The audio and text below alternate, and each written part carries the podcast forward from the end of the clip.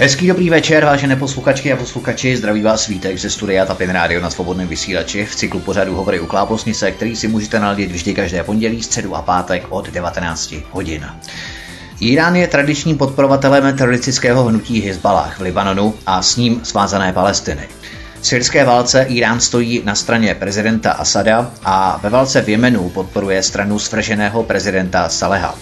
V důsledku toho je Irán přirozeným protivníkem Saudské Arábie, Izraele a Spojených států amerických na straně jedné a zase spojencem Sýrie, Turecka a Ruské federace na straně druhé.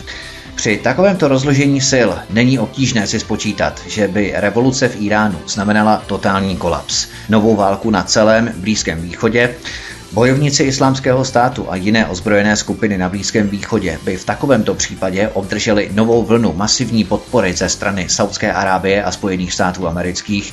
Válka v Sýrii by se znovu naplno rozhořela a Ruská federace by byla nucena znovu a v mnohem větší míře zapojit své ozbrojené síly. Pro Evropu by tento vývoj znamenal novou vlnu běženců a nové teroristické útoky.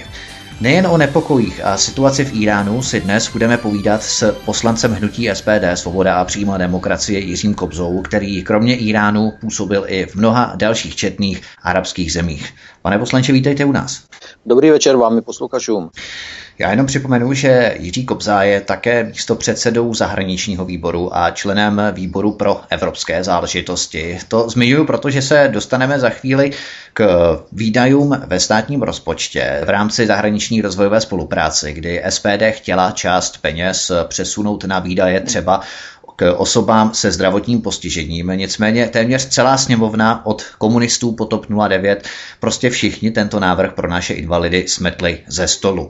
Ale nejprve aktuální téma prezidentské volby. Neobáváte se toho, že po sečtení nebo přičtení možná všech hlasů poražených kandidátů ke stávajícím hlasům Jiřího Drahoše, který měl 26%, prezident Zeman měl téměř 40%, tak po sečtení všech hlasů nebo po přičtení všech hlasů dojde k významnému ohrožení vítězství prezidenta Zemana za dva týdny zhruba, nebo jak byste to viděl vy, jak byste to předjímal vy? Tak eh, já vidím eh, celou kampaň vlastně tak, jako bylo eh, dřív před sněmovními volbami kampaň vedená ve stylu antibabiš, tak nyní se mainstream, především hlavní média, snaží vést tu kampaň prezidentskou ve smyslu antizemán. A fakt je ten, že na jednu stranu lidé, kteří volili alternativní kandidáty, tak si nemyslím, že všichni je volili v duchu toho, kdokoliv je lepší než Eh, stávající prezident, ale že prostě chtěli zvolit svého kandidáta. To znamená, že není úplně jisté, že jejich, že jejich eh, hlasy půjdou eh, stávajícímu eh, prezidentovi nebo naopak půjdou proti stávajícímu prezidentovi, protože je docela možné, že třeba už nepůjdou volit vůbec, anebo potom, když nevyšel jejich kandidát, že budou zvažovat, jestli je lepší stávající prezident jako zkušený politik, který je naprosto konzistentní a každý ví, jak se bude chovat a co bude dělat, než nově nastupující člověk, který v politice nemá žádné zkušenosti a naopak eh, je okolo něj řada otazníků. Takže eh, si myslím, že tento, tato matematika, že asi nebude úplně, úplně ta pravá, která by odpovídala situaci. A myslíte tedy, že prezident Jiří Drahoš nebo potenciální kandidát na prezidentský post Jiří Drahoš je tím eh, správným i pro tu druhou stranu, kdy jsme měli možnost zaznamenat jeho výroky minulý rok, že s příjmem několika tisíců migrantů nemá problém, nebo že by lidem upřel právo volit potenciální nebo možné vystoupení z Evropské unie, což jsou naprosto dva brutálně antidemokratické výroky, takže by měli lidé opravdu zvážit jeho volbu i ti, kteří byli třeba i nerozhodnutí? Tak eh, já si myslím, že všichni, kteří by měli jít k volbám nebo kteří chtějí jít k volbám, by se měli seznámit eh, s názory, které pan Drahoš prezentuje protože eh, jeho výroky o tom, jak cítí respekt k islámu a nemá s ním problém, včetně toho, že prosazuje Evropskou unii, prosazuje euro, plus názory, o kterých jste se zmínil vy, tak uh, jednak samozřejmě jsou v přímém rozporu uh, s programem SPD a s naším vlasteneckým cítěním uh, toho, co by tady tak asi mělo být, ale také si myslím, že bychom měli se dobře podívat na lidi, které my se, kterými se pan Drahoš obklopil, jako Páter Halík a, a Petr Kolář a podobně a zjistíme, zjistíme, že se jedná o lidi, kteří jsou velmi, když to řeknu velmi diplomaticky, tak velmi rigidní ve svých názorech, které jsou zase v přímém rozporu podle mě se zájmy České republiky protože hlásí zájmy někoho úplně jiného, ať už je to, ať už je to před nebo za oceánem. Takže, takže já si myslím, že eh, tímto, eh, tím, těmito názory se mm, pan Drahoš dost výrazně odlišuje i od eh, některých svých protikandidátů, kteří neuspěli ve volbách. Takže zase si myslím, že tyto názory možná budou rozhodující pro to, koho budou volit voliči těchto kandidátů. A dál také musíme chápat jednu věc, že pan Drahoš je to můj osobní dojem, ale v podstatě spíš mám takový pocit, že uh, funguje, funguje jako uh, taková zajímavá postava, financovaná Bůh ví odkud, Bůh ví kým. A otázka je samozřejmě, co za to musel slíbit, jakým způsobem bude fungovat, ale rozhodně pana Drahoše nepodezírám z toho, že by to byl vlastenec a že by měl v první řadě na srdci zájmy České republiky a českého národa, to rozhodně ne. Takže se shodneme spíše, že se jedná o kandidáta Berlína, o kandidáta Bruselu, kandidáta Washingtonu, nikoli tedy České republiky, možná Prahy, protože v Praze jako jediné byl zvolen Jiří Drahoš celé České republiky, jinak ostatní celá Česká republika, všechny kraje zvolili prezidenta Miloše Zemana, což už samo o sobě o něčem vypovídá. Bez zesporu. Za chvíli se k tomu vrátíme v rámci rozpočtových kapitol, ale na sjezdu SPD vás prezident Miloš Zeman v jeho vystoupení právě na vašem sjezdu nabádal k přehodnocení pohledu na zahraniční mise, zahraniční operace naší armády, přičemž SPD se dlouhodobě staví kriticky proti misím naší armády v zahraničí. Prezident Zeman tvrdí, že aby islámský terorismus nedošel k nám, nedospěl k nám na území České republiky, musíme proti němu bojovat v zahraničí. Jak se k tomu stavíte vy konkrétně, pane poslanče, a jak samotná SPD? Hovoříte jednotným hlasem, nebo se u vás najdou někteří členové v SPD, kteří se rozcházejí v pohledu na působení českých vojáků v zahraničí? Tak já děkuji za tuto otázku, že můžu vysvětlit naší pozici tady k tomu. Jestli dovolíte trošku obšírněji, uh-huh. doufám, že na to máme dost času. Uh, máme. První, řad, první řadě chci říct, že uh, naše uh, současná situace v Evropě uh, je jasná v tom smyslu, že naše armáda není schopná plnit svůj primární úkol a to je obrana území a obyvatel České republiky. My považujeme toto za primární úkol armády, nikoli v zahraniční mise.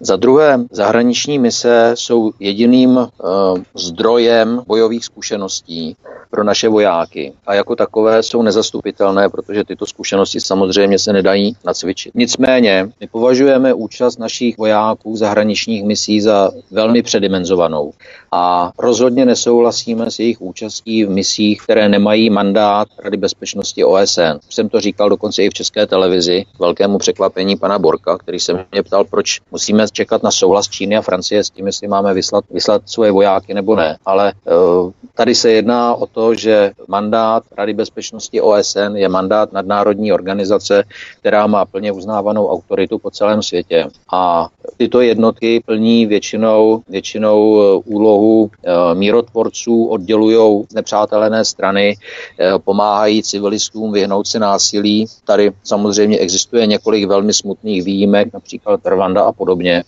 ale přesto všechno jsou to do určité míry legitimní mise. Eh, já nepovažuji za legitimní misi eh, takovou, kde eh, tento mandát chybí, které jsou podnikány v rámci úvozovkách operací NATO, ale mimo území členských států NATO. Takže, takže z toho pohledu jsem, bych tak řekl, pro udržení našich misí v rámci Rady bezpečnosti OSN, jsem pro skončení našich misí v rámci NATO mimo území území členských států NATO. A jsem pro budování české vševojskové armády, aby byla schopná dostat svému primárnímu a základnímu úkolu, protože v eh, tom je nezastupitelná. Jo? To znamená, zase opakuji, obrana území a obyvatel České republiky. A to jak před eh, vnějším, tak vnitřním ohrožením, tak například při uh, nějakých živelných pohromách a podobně. To znamená, že vy rozlišujete dvě linie působení České armády v zahraničí a to je v podstatě území NATO a mimo území NATO tedy jste proti a na území NATO jste pro. Zabránilo působení našich vojsk v zahraničí. To znamená, v Afganistanu třeba jste proti, v Iráku rovněž, Libie a tak dále, ale třeba naopak předsunutá vojska v Pobaltí, což je území NATO, také neskýtá příliš, řekněme, růžové vyhlídky na nějaký demokratický proces v rámci NATO. Taky s tím nesouhlasíte, i když je to na území NATO. Uh, takhle. Uh, mluvit o demokracii v rámci vojenského paktu mně přijde trošku uh, protichůdné, protože v armádě demokracie nemůže být. To doufám se mnou budete souhlasit. Hmm. A co se týče, co se týče těchto líní, tak samozřejmě uh, na to, aspoň pokud má člověk věřit zakládací smlouvě, tak je především obrané, uh, obraná smlouva nebo obraný spolek. Takže by se měl soustředit na obranu a obrana si většinou provádí tenkrát, když na vás někdo útočí a když na vás někdo útočí, tak to jste na svém území. Takže pokud na vás útočí někdo na cizím území, pak je otázka, kdo je tam vetřelec a kdo je tam domácí. Zrovna tak eh, například eh, v Sýrii eh, dochází k takovému zajímavému jevu, že legitimní zvolená vláda Bašara Asada mladšího tam pozvala jednu jedinou zahraniční mocnost, aby se zúčastnila válečného konfliktu, a to je Rusko. Mm-hmm. Že v podstatě všichni ostatní jsou tam o své vůli a pak samozřejmě můžeme diskutovat, kde je demokracie, kde je, kde je síla, kde je, eh, abych tak řekl, eh, souhlas eh, domácích s tím, že tam můžou cizí mocnosti, cizí vojáci provádět válečné operace. Takže ono tady je zapotřebí spíš velmi pečlivě odlišovat fakta od propagandy, protože samozřejmě to, čím nás krmí především česká televize, tak je kolikrát od reality velmi vzdáleno. Přejdeme k rozpočtu České republiky a k jednotlivým kapitolám. SPD chtěla snížit výdaje na zahraniční rozvojovou spolupráci a ty přesunout z části na náš integrovaný záchranný systém a na posílení části dávky osobám se zdravotním postižením. Než si povíme, jak vaše úsilí dopadlo, zkuste nám vysvětlit, jaké projekty se podporují v rámci zahraniční rozvojové spolupráce, protože tady čteme položky jako transformační spolupráce. Nikdo neví, co to přesně je. Příspěvky mezinárodním organizacím. Nikdo neví, jakým organizacím. Peněžní dary vybraným institucím. Jakým institucím? Kdo ty peněžní dary vybíral? Ale... A jaké peněžní dary to jsou? A na tohle všechno je vyčleněno 696 milionů korun. To znamená téměř 700 milionů korun. Tři čtvrtě miliardy. Tak co ta zahraniční rozvojová spolupráce vlastně znamená? Takhle, nemáte úplně přesné informace, protože v rozpočtu eh, transformační spolupráce, humanitární pomoc a další položky mají svoje vlastní položky a na tom bylo dalších nějakých 300 milionů. A na jo, zahraniční rozvojovou pomoc bylo právě věnováno těch necelých 700 milionů, což když si eh, najdete na internetu Českou rozvojovou agenturu, rozkliknete projekty, kterých se účastní, tak zjistíte, že eh, například jsou to projekty na podporu výroby tradičních sírů v Bosně a Hercegovině, nebo je to eh, podpora rozvoje kinologie v Gruzii a to, co mě úplně dostalo, byla protidrogová propaganda v Afganistánu. Jo? Tak to, to, a já sám jsem se pohyboval eh, v něk, několika rozvojových projektech, takže mám o tom, abych to řekl, velmi, velmi detailní informace zevnitř. No a samozřejmě, když jsem toto viděl, tak měli jsme, měli jsme, prosím vás pěkně, jenom týden jako nově nastupující poslanci, to jsme dostali podklady k rozpočtu, aby jsme se na to nějakým způsobem podívali a vyjádřili se tomu. A když jsem to viděl a vedle toho jsem viděl uh, rezervu na nepředvídané události, což je právě ten integrovaný uh, záchranný systém, na který bylo věnováno pouhých 50 milionů, tak jsem říkal, tak a dost, to není možný, tohle to nebudeme jako uh, na úkor našich hasičů nebudeme podporovat bosenské síraře, to přece nejde. No a tak jsem navrhl, aby tato položka byla uh, zvýšena o 100 milionů na úkor zahraniční rozvojové pomoci a potom samozřejmě uh, položka na eh, pomůcky pro občany se zdravotním postižením. Mně přišlo taky, že, že jako jsou značně podhodnocené, tak jsem navrhnul dalších 100 milionů z té rozvojové pomoci převést na tuto kapitolu. Takže přesto všechno, přes tyto návrhy by v České rozvojové agentuře zůstalo přes půl miliardy, což mě přijde stejně až až. A naši hasiči a záchranáři mohli mít, mohli mít lepší vybavení, protože když vemete 50 50 milionů, který je na to počítaný a uh, určitě jste viděli v televizi srdce rivoucí reportáže v české televizi o tom, jak zachraňovali týden Jezevčíka z nějaký díry, tak ta záchrana stála nějakých 350 tisíc a já teda se musím přiznat, že jsem dost skeptický, že by jezevčík po záchraně rozbil prasátko a zaplatil to. Hmm. Takže jsem si říkal, jako tyhle lidi si opravdu zaslouží, aby, aby měli podporu ze státu, zrovna tak jako, jako invalidi. A mému obrovskému překvapení, samozřejmě Piráti se do mě pustili jako, jako, jako psy, uh, co, co jako proč, proč do toho jdu a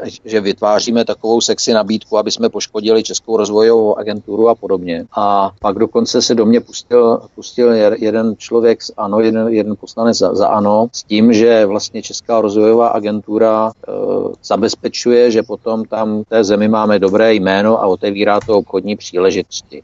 No tak já jako bývalý ekonomický diplomat skutečně už jsem neměl slov, jak, jak se s nima dohadovat, protože rozvojová pomoc je určená do zemí, které jsou tak chudé, že v podstatě si od nás stejně nic nekoupí, protože na to nemají. Jo? A přišlo mi to všechno strašlivě, strašlivě pokrytecké. A všichni ti, kteří měli tolik uh, sociálně krásných nápadů ve svých programech a předvolebních vystoupeních, tak nám tento, a když si uvědomíte, že se jedná o rozpočet uh, zhruba 1,3 bilionu korun, tak tam 200 milionů korun je v podstatě zanedbatelná částka. A přesto všechno, přesto všechno prostě celá sněmovna nám to smetla ze stolu jako jeden muž, s výjimkou jedné paní Zatopu, kterou podezírám, že, že, že sáhla vedle. Jo. Takže když se podíváte na, na hlasování, tak opravdu je to, vypovídá naprosto tragicky o tom, jakým způsobem poslanci eh, jak tradičních stran, tak pirátů eh, přistupují, přistupují právě k invalidům a eh, i, i k těm lidem, na kterých může vyset i jejich život, když se někde rozbijou. Hmm. Takže my teď budeme podporovat livaňské síly v Bosně Hercegovině nebo kinologii v Gruzii místo toho, abychom zvýšili podpory našim invalidům o 100 milionů korun.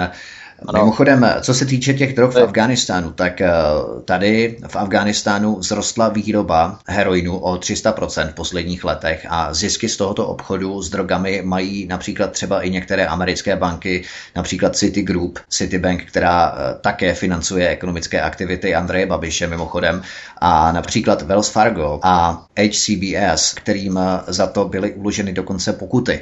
Takže ten biznis s drogami tam kvete vyložený na té oficiální úrovni. Tak fakt je ten, že eh, v době, když jsem ještě působil jako diplomat eh, v Iránu, to bylo někdy kolem roku 2003, tak se mi dostala do rukou zpráva eh, OSN o drogách v Afganistánu, která uváděla, že výroba drog v té době, to bylo vlastně rok a půl po americkém útoku na Talibán, uh-huh, takže 2003 že, že výroba drog stoupla, stoupla trojnásobně. Uh-huh. Ale současně jsem měl Eh, k dispozici zprávu iránské policie, která eh, vykazovala, že množství drog zachycených na iránsko-afgánských hranicích kleslo na polovinu. Takže Aha. člověk v tom se nevyhnul, nevyhnul otázce, kam kde je ten rozdíl. Kde je ten rozdíl, kam šel. Jo. No a pak samozřejmě to, co jste říkal, na to, na to tak nějak logicky navazuje. Člověk si to tak nějak poskládá dohromady v těch souvislostech. Takže jsme si prozradili, kdo tento návrh eh, podpořil. Byly to tedy všechny poslanecké kluby zleva doprava. Kolik dnes eh, vynakládáme? Až do, až do ultraleva, ano. Až do ultraleva. Ano, do ultraleva, do pirátského ultraleva. Pirátu, Kolik dnes vynakládáme na rezervu mimořádných výdajů? Je to tedy 60 milionů, vy jste chtěli 160 milionů a výdaje ano. na dávky našim invalidům jste chtěli navýšit ze 2,9 miliard na 3 miliardy. Na 3 miliard, ano, ano, naprosto hmm. správně. Máte, máte přesné informace. Tady vidíme skutečnou praxi politické reprezentace, která se v předvolebních debatách tloukla do prsou, jak bude podporovat eh, naše invalidy a potom komplet zleva doprava, z ultraleva podpořili levaňské síly v Bosně nebo gruzínskou kinologii. Místo našich lidí je vidět skutečně, co tvoří hlavní prioritu zájmu dnešní politické reprezentace. Další věc, v rozpočtu eh, vojáci v zahraničí... můžu doplnit, ano. Jestli mohu doplnit, tak eh, když jsem viděl ten výsledek hlasování, tak jsem si řekl, ano, my jsme opravdu extremisti, když tohle vidím, protože my jsme jediní, kteří mají odlišný názor, než má ten, ten mainstream. To znamená, my jsme skutečně extrémní hodnota tady tam. Že se staráme o svoje, o svoje vlastní lidi, že říkáme eh, takové to zlaté, zlaté pravidlo všech záchranářů, že když chcete někomu pomáhat, tak se v první řadě musíte postarat sami o sebe. Až je postaráno o vás, pak teprve můžete pomáhat, protože jinak, když to neuděláte, tak dřív či později sám zatížíte ten pomocný systém. Jo. Jsme extrémisti. Bohužel ty tendence jsou evidentně odstředivé. Pomáhat vlastním, pomáhat vlastním invalidům a vlastním hasičům je prostě extrémní. Posloucháte svobodný vysílač Studia Tapin Radio, zdraví vás Vítek od mikrofonu. Dnešním hostem je Jiří Kobza, poslanec za hnutí SPD Svoboda a přímá demokracie, který působil v celé řadě arabských zemích jako Charge d'affaires i na dalších pracovních pozicích, například jako ekonomický diplomat, jak jste měli možnost slyšet. Po písničce budeme pokračovat dál, podíváme se na zahraniční mise, také na rozpočtové kapitoly a potom už na samotné nepokoje v Iránu. Hezký večer. Posloucháte svobodný vysílač, dnešním vysíláním nás provází Jiří Kobza, poslanec za hnutí SPD Svoboda a přímá demokracie, který působil v celé řadě arabských zemích. Další věc. V rozpočtu vojáci v zahraničních operacích, zahraničních misích. Už jsme se tady o tom krátce bavili v souvislosti s prezidentem Zemanem. Tady jste chtěli přesunout 300 milionů korun na zajištění podpory velení armády České republiky. To znamená zvýšit počet aktivních záloh u nás, jejich zabezpečení, výcvik, jednoduše zvýšit obrany schopnost nebo obranu samotného státu, prioritně tedy nejdříve nejprve nás. Podařilo se to? E, nepodařilo, nepodařilo, ani tento návrh neprošel, e, i když měl lehce, lehce vyšší podporu než e, ty moje. Ale já bych to rád vysvětlil, jestli dovolíte. Uh-huh. Jde o to, že armáda, veškerá armádní činnost je především o zásobování. Nestačí jenom vojáci, ale ty vojáky musíte něčím obléct, nakrmit, odvést, zásobovat. A každá vojenská jednotka na jeden den činnosti spotřebuje, ať už ta činnost je strážní, nebo výcviková, nebo bojová, spotřebuje určité množství materiálu, které je normované. Vojáci to mají spočítaný a ten systém jako je velmi dobrý. A problém je, když se počítá, jak dlouho každá jednotka může fungovat, tak v podstatě může fungovat tak dlouho, jak funguje její zásobování. To znamená to, ten materiál, který potřebujete pro to, aby ta jednotka mohla fungovat, a je úplně jedno, jestli to je družstvo nebo divize, musíte mít někde uskladněný, musíte mít někoho, kdo to vydá, musíte mít někoho, kdo to odveze, kdo to, kdo to převezme, kdo to, kdo to dodá a tak dále. A počínaje tkaničkama přes pyžama, spacáky, ešusy, náboje, eh, Kanady, jo, prostě tohle to všechno musíte mít. A bohužel, bohužel tady je obrovský deficit, že armáda není na toto připravena. Takže my jsme chtěli právě, aby tyto, tyto zásoby, tyto možnosti, včetně ubytovacích kapacit, dopravních kapacit a tak dále, aby byly navýšeny pro naší vlastní armádu. Protože my jsme navrhovali, nebo navrhujeme stále zavedení dvouměsíční uh, povinné služby pro chlapce a dobrovolné pro dívky, tak, aby se naučili základní vojenské návyky, aby pochopili vojenské aspekty toho, co se okolo nás děje, aby byli schopni postarat se sami o sebe, uměli přežít v terénu, pochopili, co to je sebekázeň, co to je příslušnost týmu a všechny tyto základní věci, uh, které jsou uh, nutné k přežití. Jenomže k tomu potřebujete ty kapacity. Takže my, když jsme počítali, jak, jak kolik jsme tak schopni udělat, tak více jak dva měsíce těch branců v podstatě už se do tohoto nevešlo. Takže proto chceme postupně s rozpočtem, jak, jak byl slíben, že se bude navyšovat postupně vojenský rozpočet, tak ale chceme, aby eh, s navyšováním rozpočtu se navyšovaly současně eh, vojenské kapacity České republiky. No. Takže, takže to, byl, to byl důvod vlastně tady toho, toho prvního pokusu. Ale jak už jsem říkal, měli jsme na to jenom týden, na to, aby jsme nad tím přemýšleli, na to, aby jsme zjistili, s čím vlastně můžeme pracovat. Bylo to šibení hraniční, opravdu. Hmm. Ale myslím, myslím, že jsme udělali, co se dalo, na rozdíl od ostatních stran. Naši vojáci jsou součástí předsunutých sil v Pobaltí, jak jsme zmínili v prvním vstupu. Navíc se výhledově uvažuje o vyslání našich vojáků do Líbie. Má Libie podle vás vůbec smysl, když vůči nám stejně byla vznesena žaloba Evropské komise za odpor proti migračním kvotám, takže budeme vyčlenovat nebo nalévat, investovat peníze na vojáky do Líbie, přičemž s námi Evropská unie bude stejně jednat jako s rohoškou v rámci migračních kvot. Má vůbec Líbie smysl za této konstelace? Eh, já se musím přiznat, že nejsem odborník na Libii, ale podle informací, které mám z veřejných zdrojů, tak mě není úplně jasné, s kým tam vlastně jednají. Protože Libie, jak víte, nemá centrální vládu, tam, tam, tam, tam je občanská, občanská válka a to ještě se nemluví o kmenech e, na, na jihu vlastně v těch kabelských hmm. horách. A, takže e, tady, tady je otázka, jako s kým jednat. Jako kdo, které, která vláda připustí účast e, cizí armády na svém území bez, bez nějaké hlubší spolupráce. Takže já si myslím, že, že jako spíš cesta by byla pomoct vytvořit v Líbii, v Líbii jednotnou vyváženou vládu tím, že, že prostě, když proběhnou volby a vláda bude ustanovena, tak bude možné, eh, bude možné tuto vládu podporovat, ale bez těch voleb to prostě nepůjdu a to by si ti náčelníci měli uvědomit a měli by si sednout ke stolu a říct, ale tak halt, je tady Libie, budeme vládnout všichni společně a Evropa nás bude podporovat a naší povinností bude, aby jsme chránili naši jižní hranici. Jako to dělal Kadáfi. No. A yeah.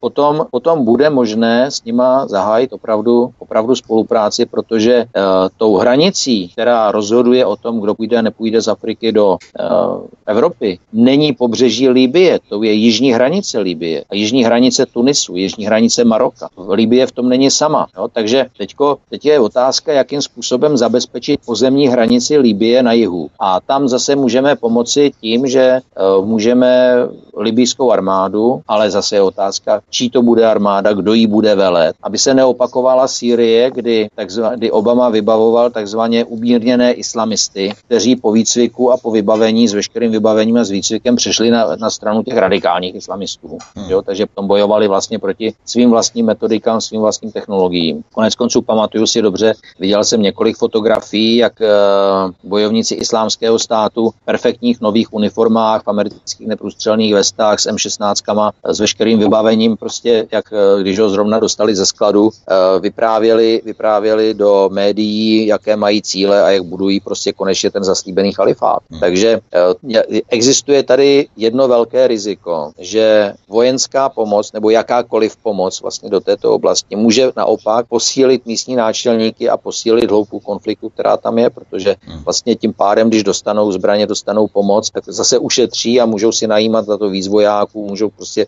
posilovat. Takže tady si myslím, že to je otázka, která je velmi, velmi složitá a Evropa trpce platí za to, že pomáhali svrhnout Kadáfího a nechat zavraždit. Hmm. To znamená, že za současné mocenské konfigurace jsou to podle vás tedy vyhozené peníze, když si uvědomíme, že třeba podporují, řekněme, centrální vládu v Tripolisu, Tady by pomohli třeba vytvořit určitou vojenskou převahu nad jinými vládami, například na východě, generála, jehož jméno, na jehož jméno si teď nespomenu, a těch jižních kmenů, o kterých se zmínil. Takže by v podstatě jedna vláda měla převahu, centrální tripoliská vláda měla například převahu nad ostatními a ten konflikt by se tam v podstatě prohloubil. Takže za současných podmínek jsou to vyhozené peníze do Líbie. Tak eh, já, jak znám tak trochu náturu těchto lidí, tak vím, že eh, stejně jako Erdogan, protože už tady precedens existuje, že mají dobrou šanci tu Evropu vydírat tím, že říkají, hele, my tady máme 2 eh, miliony, 3 miliony, 10 milionů Afričanů a když nám budete platit tolik a tolik, tak je nepustíme dál. Protože když to šlo Turkům, proč by to nešlo těm, těm severoafričanům? Oni jsou stejně dobří obchodníci jako Turci. Dále program integrace příslušníků romské komunity. Ten jste chtěli snížit o 13 milionů korun a ty rozdělit na program sociální prevence a prevence kriminality a na program protidrogové politiky.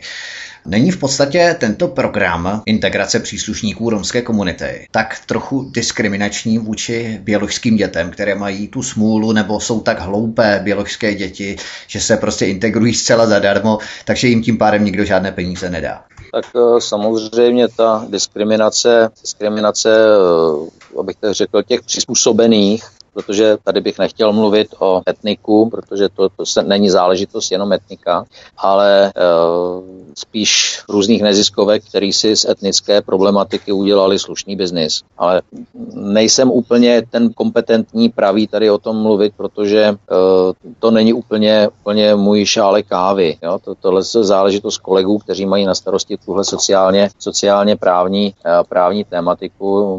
Moje, můj obor je zahraniční politika, takže to je se, té se spíš držím.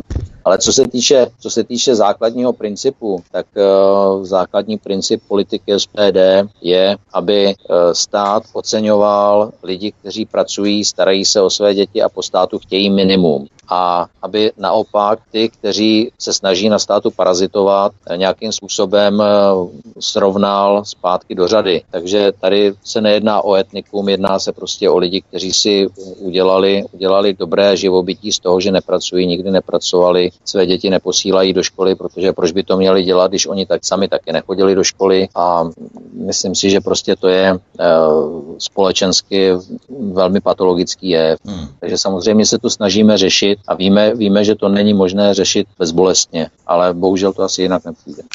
Víme, že veškeré programy, které byly podnikány za účelem integrovat romskou menšinu nebo jakékoliv etnikum, které v podstatě vykazovalo stejné symptomatické příznaky v minulých generacích, tak nic z toho nevyšlo, všechno selhalo, takže je skutečně důležité se ptát, jestli ty finanční prostředky opravdu mají ten kýžený efekt, s jakým jsou vynakládány právě do této komunity. Nicméně, probrali jsme dvě aktuální témata, jako jsou prezidentské volby a některé výdaje v rozpočtu, třeba na zahraniční rozvojovou spolupráci, zahraniční operace, výdaje na romskou komunitu. Pojďme se podívat na třetí hlavní téma dnes, dnešního večera, a tím jsou nepokoje v Iránu. V Iránu se rozhořely masové protivládní protesty a demonstrace. Zemřelo několik desítek lidí. Někteří ozbrojení demonstranté se pokusili zmocnit policejních objektů i vojenských základen. Protestů se účastní desetitisíce lidí po celém Iránu. Jsou, myslíte, Iránci rozčarováni pouze z jakési hospodářské situace v zemi, nebo jaké jsou ty elementární hlavní příčiny protestů v tak velkém rozměru? Co se děje v Iránu? Víte, tady je, tady je zajímavá jedna věc, která zatím, zatím v médiích nezazněla. Ty nepokoje nezačaly lidé z toho důvodu, že by chtěli demokracii, svobodu, že by se bouřili proti vládě. Ty, ty nepokoje začaly právě naopak uh, takový ty nejdogmatičtější, nejislámštější, uh, nejpřesvědčenější vlastně lidi, kteří uh-huh. protestovali proti tomu, že stouply ceny vajec a kuřat. Jo? A postupně, uh-huh. postupně se z toho právě vyvíjel protest i proti systému řízení a proti vládě. Já jsem byl v Iránu, když tam byly takové takzvané to iránské jaro, o kterém se příliš nemluvilo tady, protože to bylo zastíněno, zastíněno libýským jarem a, a syrským jarem a všemi dalšími. Ale... Červen, červen 2009? Myslíte to zelená revoluce? Ne, ne, ne, ne, ne myslím, myslím, to bylo někdy, 20, kolik to bylo teď, po 5, 6, tak někdy. Jo, ještě předtím. A uh, Vím, že Iránci po těch naprosto hrůzných masakrech, které přinesla revoluce proti Šáhovi, tak se velice bojí revoluce, bojí se občanské války, bojí se, bojí se krve prolití, které by následovalo. A tady eh, musím říct, že prezident Rouhání se projevil jako, jako velice uh, moudrý politik, zase z pohledu, z pohledu Iránců, hmm. protože se mu podařilo tyto nepokoje vyřešit bez toho, že by uh, nasadil islámské gardy a nasadil uh, takové ty islámské dobrovolné sbory basížů, kteří by ty, ty protesty opravdu utopili v krvi a dopadlo by to, dopadlo by to výrazně hůř než uh, pokusy v Katalánsku o samostatnost.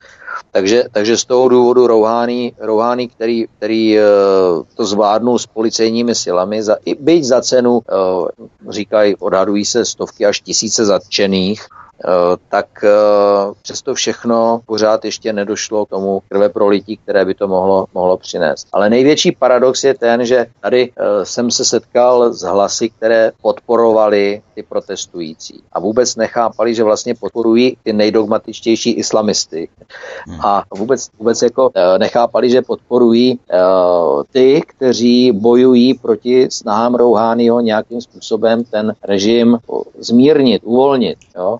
Protože Rouhání, Rouhání prohlásil, že lidé mají právo protestovat, když se jim něco nelíbí, ale že nesmějí u toho nic ničit. Jo. A pak je samozřejmě otázka, otázka co, co byli zač ti ozbrojenci, kteří se snažili přepadnout ty policejní stanice a podobně.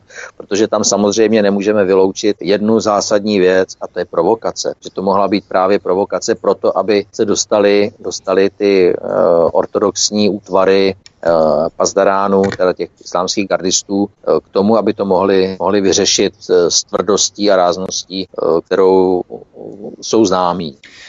Takže, takže já, si myslím, že, já si myslím, že v tom Iránu ta situace není zdaleka, zdaleka černobílá. Jo. A fakt je ten, že uh, to, čeho se musíme opravdu upřímně bát, je to, že by došlo k rozkymácení politické situace v Iránu. Protože Irán jako uh, přirozený hegemon v oblasti a jako přirozený spojenec Evropy v boji proti sunnickému terorismu, tak v případě, že by došlo k tomu, že tento, tato protiváha na východních hranicích vlastně sunnických zemí, když nepočítám Pakistán samozřejmě, který je dál na východ, tak Afganistán, tak v tom případě by to přineslo pro Evropu obrovské riziko. A myslím si, že potom bychom byli opravdu krůček od občanské války, která by mohla zasáhnout i evropské území. Takže já jsem osobně velice rád, že se to prezidentu Rouhánimu podařilo, podařilo takhle vyřešit. Mnozí, kteří sledujeme vývoj ve světě, si možná vzpomeneme na červen 2009, kdy v Iránu vypukly také masové nepokoje. Tehdy se Iránci sešli k protivládním akcím v rámci tzv. zelené revoluce. Dnes už víme, že ono zelené hnutí tajně podporoval Barack Obama, tedy jakási část architektury, řekněme, systému barevných revolucí. Tehdy vyjadřovali podporu lidé pro reformnímu prezidentskému kandidátovi Míru Hosejnovi Masávímu. Můžeme v tom najít nějakou paralelu s dneškem, i když eh, současné protesty nemají žádného vůdce na rozdíl od toho června 2009 a v podstatě ta dnešní revoluce je jakási revolucí na ruby. No, eh, já si myslím, že paralela tady asi není. Samozřejmě, eh, víte, politika orientálních samovládců, ať už jsou schovaní pod jakoukoliv, jakoukoliv slupkou, ale vždycky ten základní systém vládnutí je islám, který je z toho pohledu asi nejúčinnější silnější, protože je jednoznačný, eh, nesmlouvavý a velice krutý ke svým odpůrcům. Tak eh, já jsem tomu říkal, že, že to funguje, funguje jako trojhoné hospodářství. To znamená, je zde eh, systém uklidnění, provokace, represe. A to se opakuje cyklicky. To znamená, po další fázi klidu stát dojde, nebo vůdce dojde k názoru, že by se mohlo, by se mohlo dojít, mohlo dojít k tomu, že by se proti němu zvedala nějaká opozice, tak zabezpečí určitou provokaci, na základě které potenciální vůdci e, opozice zvednou hlavy a začnou e, hlásat svoje, svoje teze. A pak přijde represe, když si to představíte jako golfový trávník, kde prostě určité odrůdy trav rostou rychleji než ty ostatní, jo, tak ty, kteří zvednou hlavy, přejede ten, ta sekačka, ty hlavy popadají Jasně. a nastává zase chvíle, chvíle uklidnění, jo, do té doby, než přijde další cyklus. A Irán je toho nádhernou ukázkou, že opravdu, opravdu takhle to funguje. Dnešním hostem je Jiří Kobza, poslanec za hnutí SPD Svoboda a přímá demokracie, který působil v celé řadě arabských zemích jako Charge d'affaires a nebo i na dalších pracovních pozicích. Posloucháte svobodný vysílač od mikrofonu vás zdraví Vítek a po písničce pokračujeme dále v naší diskuzi o nepokojích v Iránu. Hezký večer. Dnešním vysíláním nás provází stále Jiří Kobza, poslanec za hnutí SPD Svoboda a přímá demokracie, který působil v celé řadě arabských zemích. My si povídáme o Iránu, o nepokojích, které tam vypukly na přelomu tohoto roku 2017 a 2018. Myslíte, že nyní nemají tedy ty protesty nějaké jasné politické směřování, nějaké vedení, nepodaří se jim zmobilizovat tedy ty masy a dosáhnout nějakých změn? Nepovede to prostě k destabilizaci Iránu ve směru k tomu černému scénáři, který jsem uvedl na začátku, když byste měl odhadovat mentalitu nebo určitý naturel iránského národa, jak jsme se o tom bavili těsně před písničkou, tak eh, nehrozí tam něco jako vleklá občanská válka v Iránu, podle stejného schématu jako třeba v Sýrii? Tak eh, víme, že v tuto chvíli už eh, nepokoje jsou v podstatě potlačeny, že režim to vyřešil policejním zásahem nebo policejními zásahy. Víme, že většina potenciálních vůdců jsou zatčeni, jsou ve vězení a e, víme, že ty protesty právě proto, že šly z různých stran politického i společenského spektra, tak e, tím, že neměli jednotné vůdce, neměli jednotou ideologii, neměli žádné teze, které by se drželi, to v podstatě neměli šanci přežít. Protože pokud nemáte spojovací, spojovací moment, spojovací články, tak samozřejmě ta jak, jaká, jakékoliv, jakákoliv politická činnost nemá, nemá šanci na úspěch. Takže víme, víme teď, že, že už co, by, co bylo, to bylo, teď se jede dál. Otázkou je pro nás, jako pro lidi, kteří se starají o lidská práva a víme, že mezi těmi zatčenými bez sporu je spousta lidí, kteří se tam dostali náhodou nebo kteří byli e, sebráni při masových zatýkáních, tak myslím si, že naší starostí teď by měla být otázka e, ptáce, nebo, nebo e, úkol by měl ptáce, co s těmi lidmi, dostane se jim spravedlivého soudu, dostane se jim, abych tak řekl, velkorysosti vítězů, dostane se jim pochopení nebo dostane si jim férového zacházení. To, to si myslím, že teď je asi hlavní. Irán víme, že je hlavním producentem v rámci organizace zemí vyvážejících ropu, tedy OPECu, ale zároveň se Irán zapojil do konfliktu v Sýrii a v Iráku a do mocenských šarvátek se Saudskou Arábií. A zase vzpomeňme si na středu 7. Hmm. června 2017, minulý rok, kdy bojovníci islámského státu zaútočili v Iránu na parlament a mauzoleum Ajatoláha Chumejního v Teheránu, čímž v podstatě zasáhli dva nejsilnější symboly islámské revoluce v roce 1979. Iránské revoluční gardy nepřímo označili za výníka a podněsovatele toho útoku Saudskou Arábii.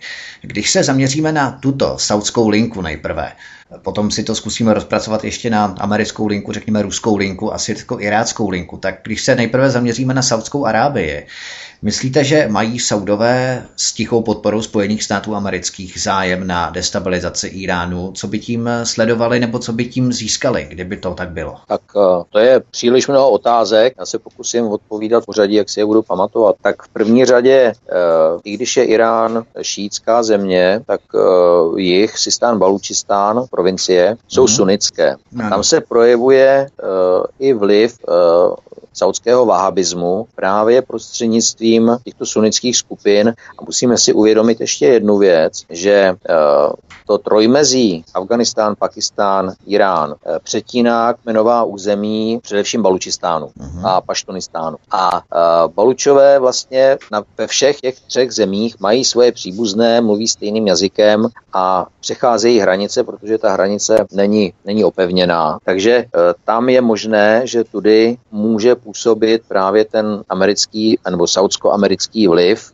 Eh, víme, že tam působila, působila eh, teroristická skupina John Dola. Eh, ta byla někdy koncem, koncem 2008-2009 celkem úspěšně rozprášena, pak, když se ne, znova nepřeskupila a nezačala fungovat.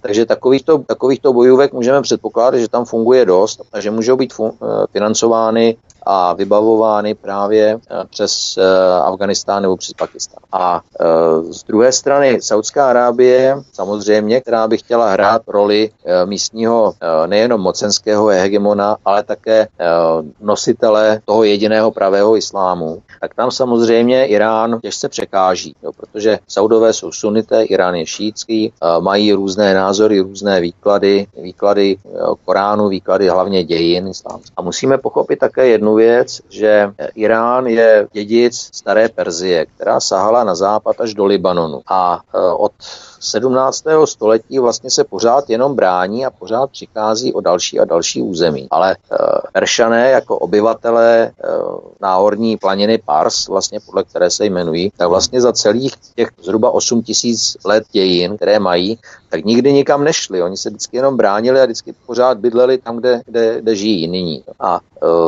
Saudská Arábie samozřejmě se snaží využít veškerý svůj vliv. Konec konců její vliv uh, Talibanu je známý a al aby Irán srazila z toho piedestálu místního hegemona a převzala jeho roli. Jenomže samozřejmě v ten moment to pro nás bude velmi, velmi nebezpečné tady v Evropě, protože v momentě, kdy, uh, abych tak řekl, ten vábistický uh, expanzionismus a dogmatický islám až po džihad a terorismus uh, přestane mít v zádech místního hegemona a uvolní mu to ruce vlastně proto, aby expandoval dál na severozápad, tak potom samozřejmě budeme mít problém, protože první příkaz je, já bych to řekl, to hijra a džihad, to znamená cestování a snaha. Takže ten tlak na islamizaci Evropy bude stoupat. Jak, li, jak lidmi, tak financemi, tak ať už to bude schovaný pod různé uprchlíky, migranty, neziskovky, eh, různé agentury a tak dále. Takže můžeme čekat, že v případě, kdyby se toto povedlo, eh, tak eh, bych řekl, že máme, Houston máme problém. Takže Irán tehdy za hlavní výniky toho útoku 7. června 2017 v Teheránu považoval Saudy a v pozadí i amerického prezidenta Donalda Trumpa. V podstatě Spojené státy se pokusily destabilizovat Irán na počátku tisíciletí 2001 tajným financováním vojenské opozice v Iránu. Tehdy to byla nadace bratří Rockefellerů, která financovala New Yorkskou nadaci Projekt Irán a v podstatě navazování styků diplomatů, třeba diplomat Mohammad Jahad Zarif, který pracoval na tehdejší iránské misi v New Yorku Američané také poskytují logistickou podporu skupině Mujahedin Chalk. Eh, tu v minulosti třeba financoval i Saddam Hussein, aby přímo i nepřímo oslabovala Islámskou republiku jako takovou.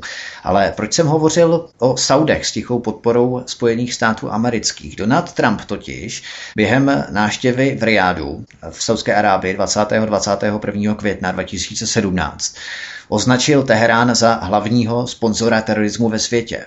Iránci to tvrzení samozřejmě tvrdě odmítli, razantně odmítli, důrazně odmítli a tvrdili, že hlavním sponzorem terorismu je naopak Saudská Arábie.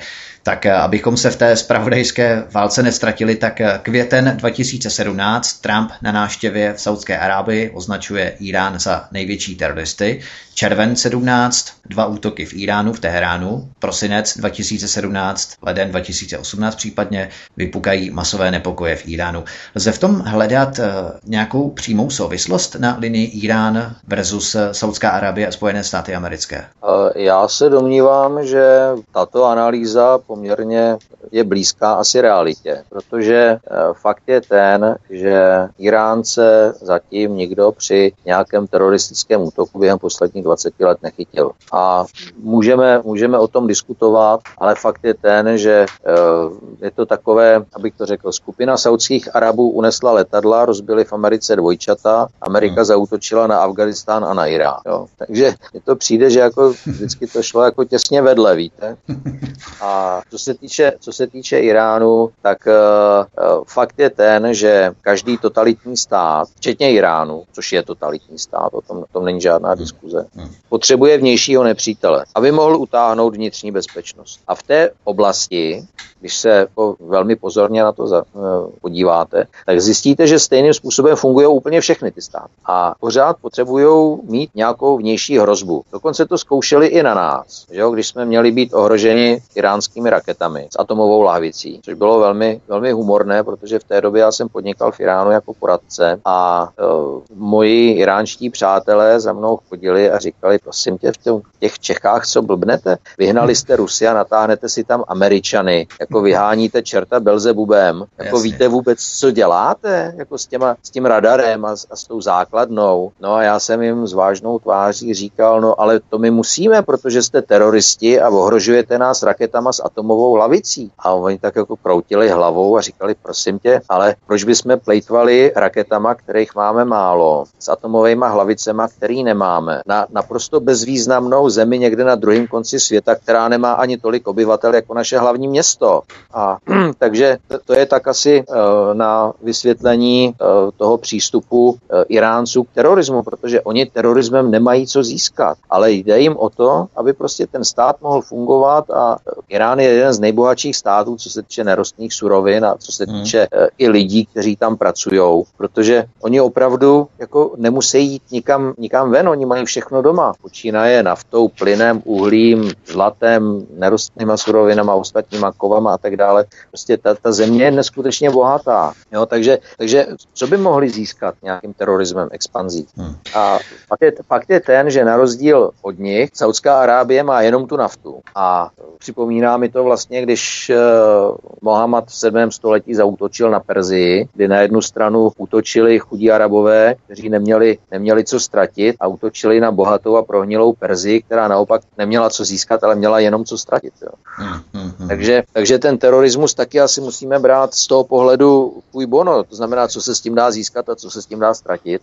A v momentě, kdy terorismem získáváte vlastně akorát to, že celé, celý neislámský svět začíná pocitovat uh, ohrožení ze strany muslimů a tím pádem i ty muslimy, kteří se neúčastní terorismu, začíná tlačit k tomu, aby se připojili k těm radikálům, protože je tak nějak odmítá, což je asi účel toho terorismu, tak uh, myslím si, že Irán na tom nemá, nemá co získat. Irán Iránci obchodují, Iránci, Iránci vědí, že jsou daleko, daleko silnější po ekonomické stránce a v podstatě i, i ta válka je jenom další, další uh, způsob obchodování, když se to veme do, do důsledků.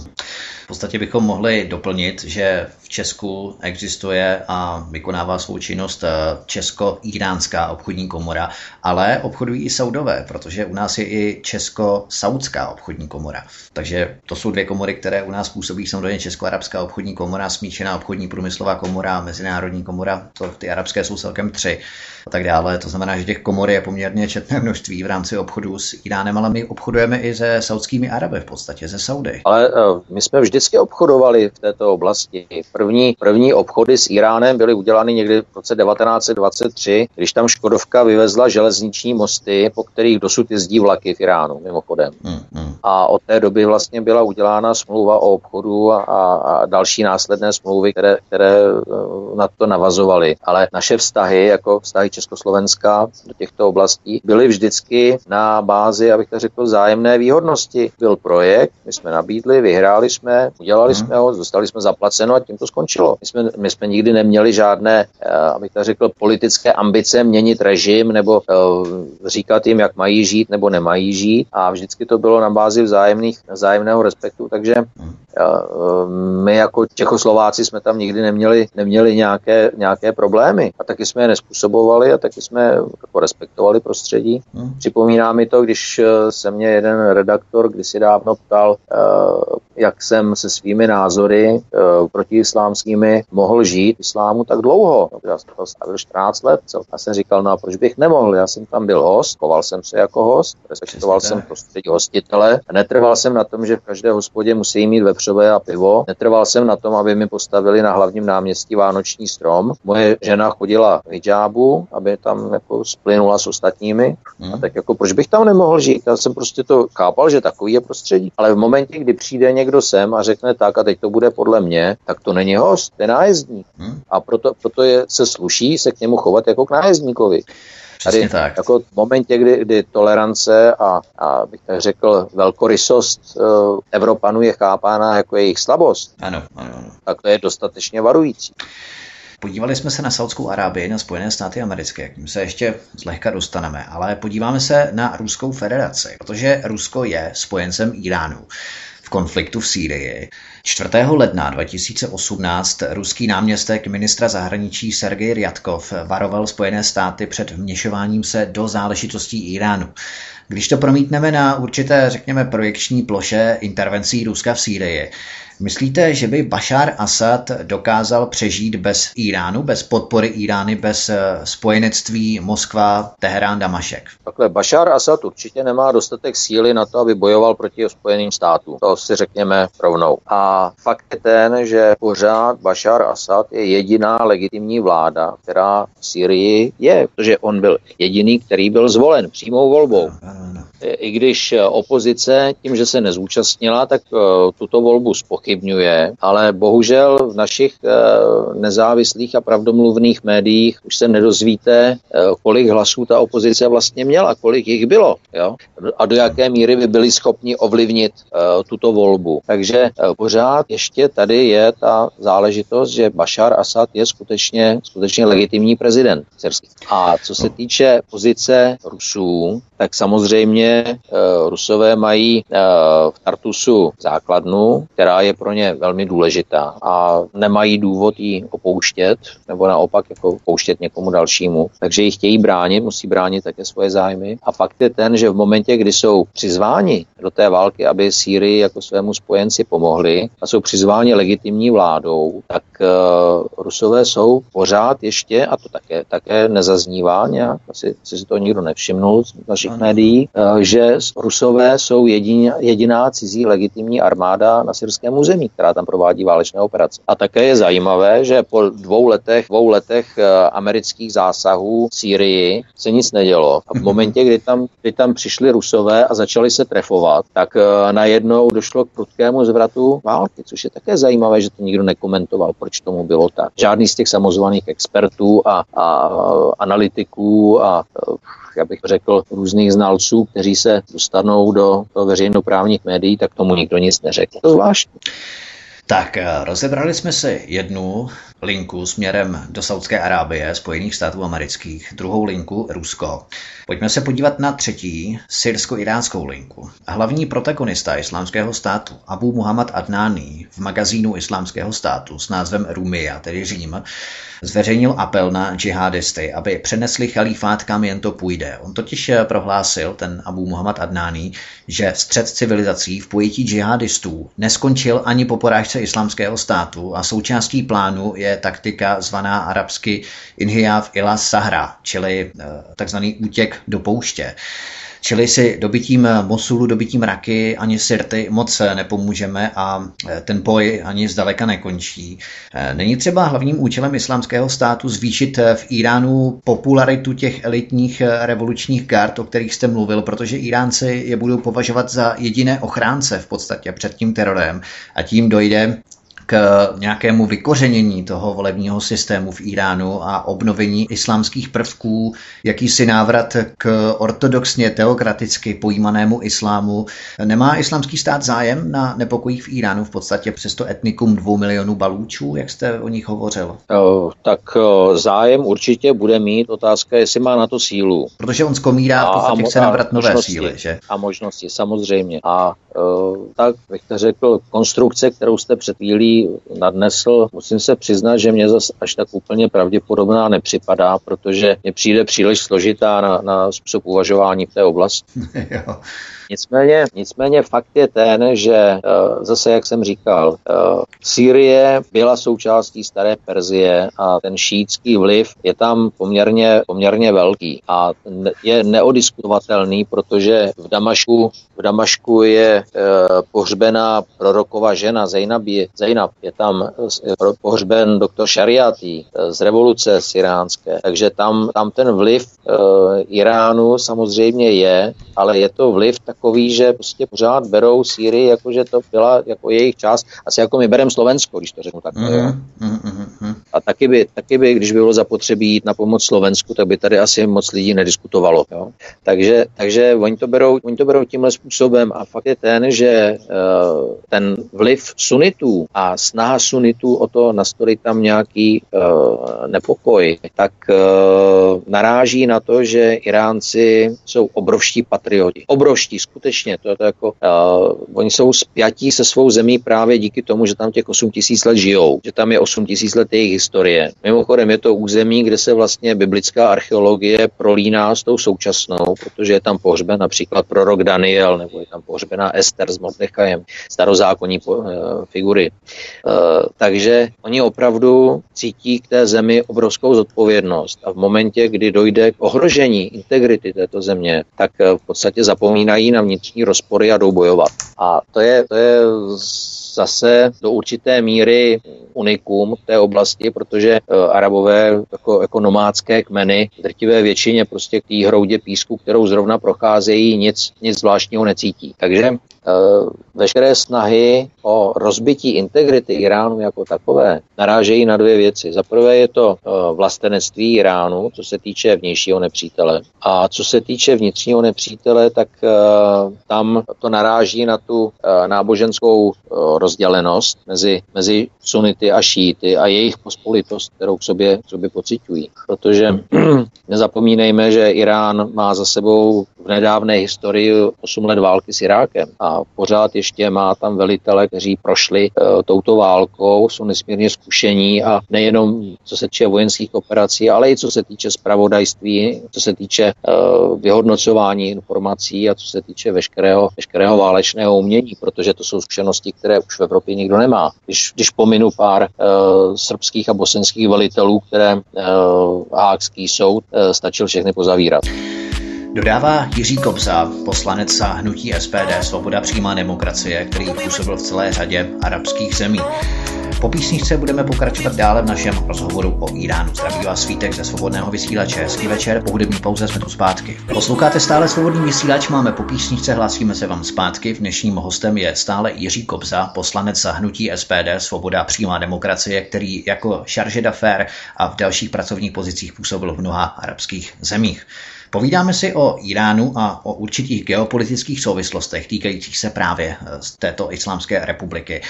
V roce 2010 se al qaidě podařil velký úder v iránském Balúčistánu, o kterém jsme tu hovořili, kde odštěpenecká sunická skupina Jandalách neboli vojáci Aláhovi, o kterých tu pan Kobza mluvil, nastražila bombu v Mešitě, ale tehdy se jim ještě nepodařilo přenést ten teror až do Teheránu. To se podařilo právě až v roce 2017.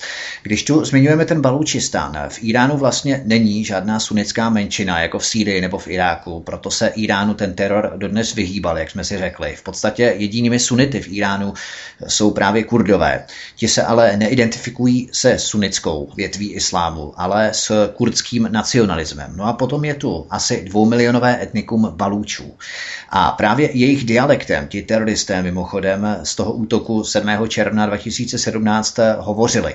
Takže islámský stát se v podstatě snaží radikalizovat domácí nespokojence, vyvolat v rámci jakoby vnějšího působení nějaké další nepokoje v Iránu, aby získal znovu zpět, aby nabral sílu, aby získal zpět na síle? Můžeme to tak vidět? Uh, víte, tady je, tady je důležité vědět jednu věc, že i tyto bojůvky, o kterých jste mluvil, John Dolách, uh, nebo případně, případně kurdské skupiny, uh, jako Pejak a podobně, tak uh, jsou ortodoxně islámské. To znamená, že pro Peršany nebo pro Iránce nemají moc co nabídnout jako změna k stávajícímu systému. Mm-hmm. Jako vyměnit jeden islámský režim za druhý mm. v, podstatě, v podstatě není zase až tak lukrativní. Takže, takže si všimněte, že za dlouhou dobu činnosti vlastně těchto, těchto skupin, které byly mimochodem také financovány, financovány ze zahraničí, tak uh, v podstatě nedošlo k žádnému vývoji. Jako nenabírali moc, nenabírali lidi, nešli za nima místní, místní následovníci. Jo. Takže to byly takže, takže, skupiny. Takže, takže to byly vyloženě, vyloženě jednoučilové skupiny, dá se to říct i tímto způsobem a uh, určitě nemají šanci na to svrhnout režim a, a nastolit nějaký jiný, protože uh, nemají co nabídnout, nemají tuto ideologii. Nejsou to,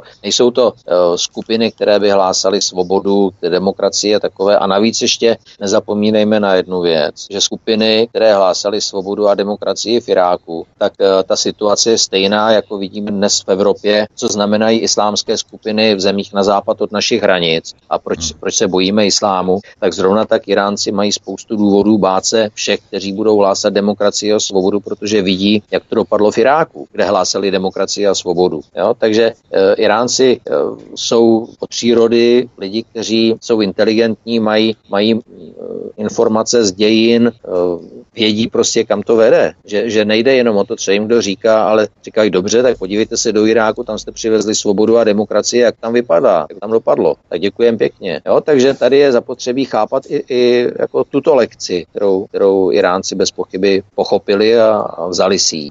V podstatě oni nejsou, řekněme, mentálně konfigurováni nebo nastavení právě na ten systém demokracie, protože po celá staletí tam měli úplně jiné represivní režimy, které tam fungovaly, nebo při nejmenším autoritářské režimy, které tam fungovaly. Ale, ale, ale tak nezlobte se na mě, kdybych já osobně si měl vybrat mezi demokracií v Iráku dnešních dnů a režimem v Iránu, tak bych zůstal v Iránu. Určitě.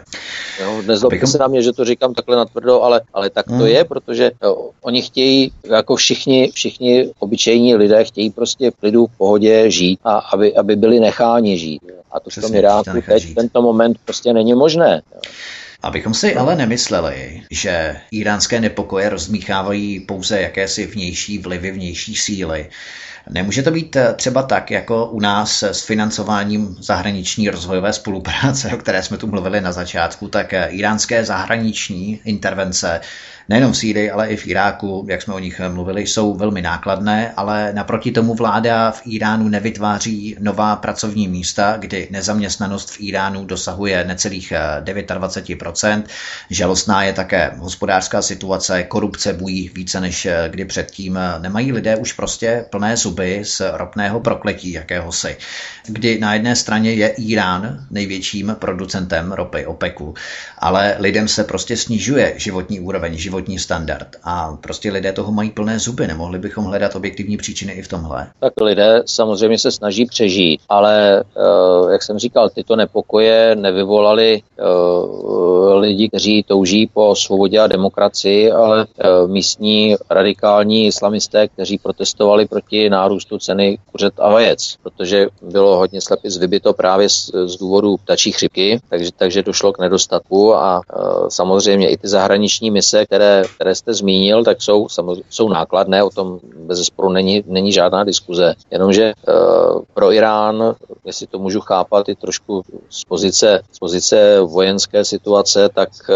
pro Irán jsou nezbytné, protože jej chrání právě proti tomu, aby islámský stát se nesnažil proniknout na jeho území. Mm, ano, to je logické. A jak v podstatě lidé v Iránu žijí, protože mnozí tvrdí, že třeba i před 20-30 lety ta životní úroveň, životní standard byl o mnoho vyšší, než je třeba nyní, než je teď. Nehledě k tomu, že třeba za Páhlavího ještě mnohem dávněji ta životní úroveň v podstatě byla srovnatelná s Evropou.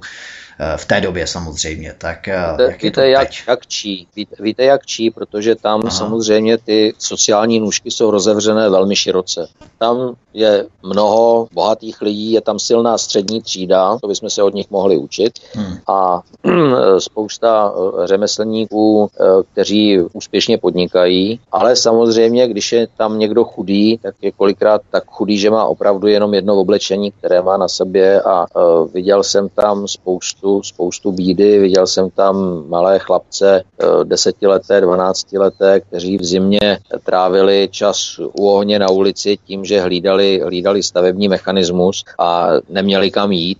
Hlídali nějaké bagry a buldozery, aby je někdo neukradl nebo ne, neodnes nějaký součást tam tať. Takže, takže to samozřejmě je ta odvrácená strana mince. Ale prostě ta situace je tam taková a zase, zase to už jde i s tou, s tou islamizací a schápání fungováním života a vůbec podnikání a sociální, sociálních záležitostí právě ve smyslu, ve smyslu toho islámského režimu, který tam je. To, je, to je něco, co se těžko vysvětluje lidem, kteří vidí hmm. svět jako občané, jako demokraté a nevidí tu, nejsou schopni pochopit to, to co vlastně stojí ta teokracie za tím islámem. Pokud bychom to měli opravdu minimalizovat nebo redukovat na ty každodenní běžné potřeby lidí nebo každodenní život lidí, hmm. tak eh, zdravotnictví, sociální politika, nevím, komodity, každodenní potřeby, co lidé tak kupují v obchodech, tak eh, je tam tak, život eh, nahoru v podstatě většiny obyvatel nebo stagnuje, jde dolů? Eh, já můžu posoudit pouze toho, co jsem tam zažil v roce 2008, když jsem odjížděl z Iránu, uh-huh. protože jsem se tam poměrně ošklivě rozbil na lyžích, tak jsem se seznámil i, i s iránským zdravotnictvím, ale s tím, s tím soukromým samozřejmě, které, které je na velmi slušné úrovni. Fakt je ten, že řada lékařů tam zejména v oblasti traumatologie, tak je velice zkušených po těch osmi letech války, tak mají zkušenosti určitě, které těžko by nazbírali někde jinde. Eh, co je zajímavé, je, že tam vlastně to zdravotnictví běží po dvou linkách, soukromé a státní. To státní, to je takové to pojišťovací zařízení, pojišťovací zdravotnictví, které poskytuje poskytuje základní, základní službu, poskytuje uh, takové to základní, základní ošetření, základní léky, aby těm lidem pomohli, ale už nemá takovéto eh, nadstavbové eh, zařízení, to znamená, je to, jak bych řekl, jak, jak se tady snažil prosadit, prosadit ministr Julínek, takovéto dvoukategorní zdravotnictví pro ty chudý a to pro ty bohatý. Jo? Takže, takže tam, to, tam to takhle funguje, kdo si chce připlatit, kdo chce prostě experta, který může vyléčit jeho neduch dokonale, tak, tak jde do té soukromé, soukromé kliniky. Kdo je chudý, tak jde do té nějaký státní, tam ho ošetří, obvážou a propustí domů. Jo. A takže to je, to je to, co se týče toho, toho zdravotnictví jako takového. Irán uh, vyrábí spoustu vlastních léků, vyrábí samozřejmě kopie zahraničních léků, protože uh, pokud se to nezměnilo od doby mého pobytu, tak tam platila ochrana, ochrana autorských dat a patentů pouze na iránské produkty, uh, včetně softwarů, včetně, včetně léků a podobně. Hodně, toho, hodně toho dováželi, ale v podstatě ta snaha byla, aby Irán dokázal být soběstačný. Zásobování léky, léčivy, eh, co se týče vzdělanosti iránských lékařů, tak eh, místní lékařská fakulta fungovala na velmi slušné úrovni v té době. Takže, takže co se týče toho, o místní lidi se ten stát nějakým způsobem staral. I když, jak říká klasik, když chcete vědět, jak se stát stará eh, o své občany, podívejte se do úst starým lidem. A když zjistíte, že si můžou dovolit kompletní nový zuby, tak se o ně stará dobře. A když zjistíte, že tam žádné zuby nemají, tak to znamená, že se o ně stará špatně. Takže myslím si, že toto je pravidlo, které můžeme uplatnit i u nás. Fakt je ten, že ti staří lidé, protože inflace je poměrně vysoká a valorizace, valorizace důchodů zase tak úplně nefunguje, takže staří lidé, kteří jsou sami, jsou na tom dost špatně místama. Hmm. Tak to jsme si popsali eh, určitou situaci, která panuje v eh, Islámské republice, v Iránu. A pokud budeme pokračovat ještě v těch eh, věcí ohledně nepokojů a i vnitrostátních záležitostí v Iránu, o kterých se tu bavíme, Totiž hněv Iránců směřuje i proti samotnému duchovnímu vůdci země, ajatoláhu Ajimu Chameneimu. Chamenei se totiž postavil do čela státu po zesnulém ajatoláhu Chomejmimu v roce 1989. Chamenei vydal fatvu a zákaz výroby jaderných bomb, na Češ si s ním prezident Obama tajně vyměnil dopisy a přislíbil, že iránský režim nesvrhne. Obamův eh, kontakt s ajatoláhy se stal tak intenzivním, že dokonce Wall Street Journal tehdy v roce 2013 eh, ve svém úvodníku tehdy napsal, že demokraté vlastní ajatoláhy. Proč bylo kolem Chameneiho takové tabu po téměř eh, třech dekádách, než ho současné nepokoje prolomily to tabu kolem Chameneiho? Tak podle principu Velajate Fagich je nejvyšší vůdce jediný a neomilný, který vlastně je ten nejvyšší soudce, který rozhoduje rozhoduje mezi tím, co je správné a co je špatné. A pokud vydal fatvu o zákazu výroby jaderných zbraní, tak ta šla současně s tím, že e, prohlašovali v té době, nebo od, od začátku tisíciletí, že Irán má právo na využití své vlastní jaderné energetiky. E, vycházelo to z toho, že e, podle určitých prognóz věděli, že zásoby plynu a ropy jsou omezené a věděli že současně, že mají zdroje uranu, svoje vlastní. Hmm. Tudíž při obohacení a vytvoření palivo mají šanci mít své vlastní jaderné elektrárny. A začali stavět, začali stavět elektrárnu Busheru, že jo, konec konců pamatujeme si od nás neznámý uh, Lex Busher, který na nátlak Američanů vlastně zakázal uh, vývoz uh, vzduchotechniky ze ZVVZ Milevsko právě do Busheru, který, hmm. kterou potom dodal, dodal Siemens, mimochodem.